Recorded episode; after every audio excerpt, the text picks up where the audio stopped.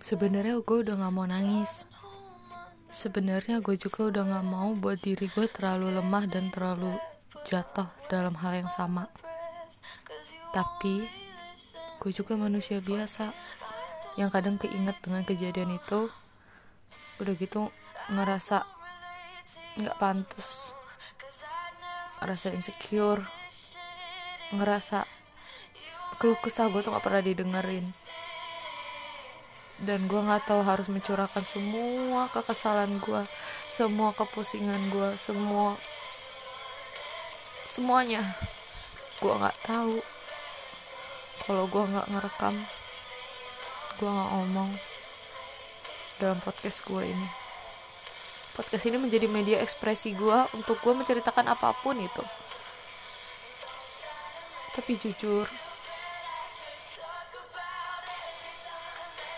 gue kira tahun paling berat gue itu adalah di tahun 2019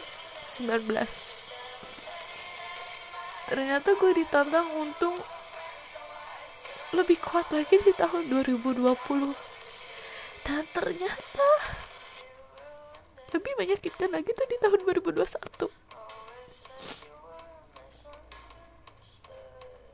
kenapa nggak ada tahun yang menguntungkan? Sedikit aja gitu gue pengen hidup. Tanpa banyak keluarin air mata. Gue pengen hidup di mana gue bisa nerima diri sendiri. Gue pengen bisa hidup di mana bisa berdampingan dengan semua orang dengan rasa sayang rasa kasih rasa cinta tanpa saling benci. Dan gue pengen ngerasain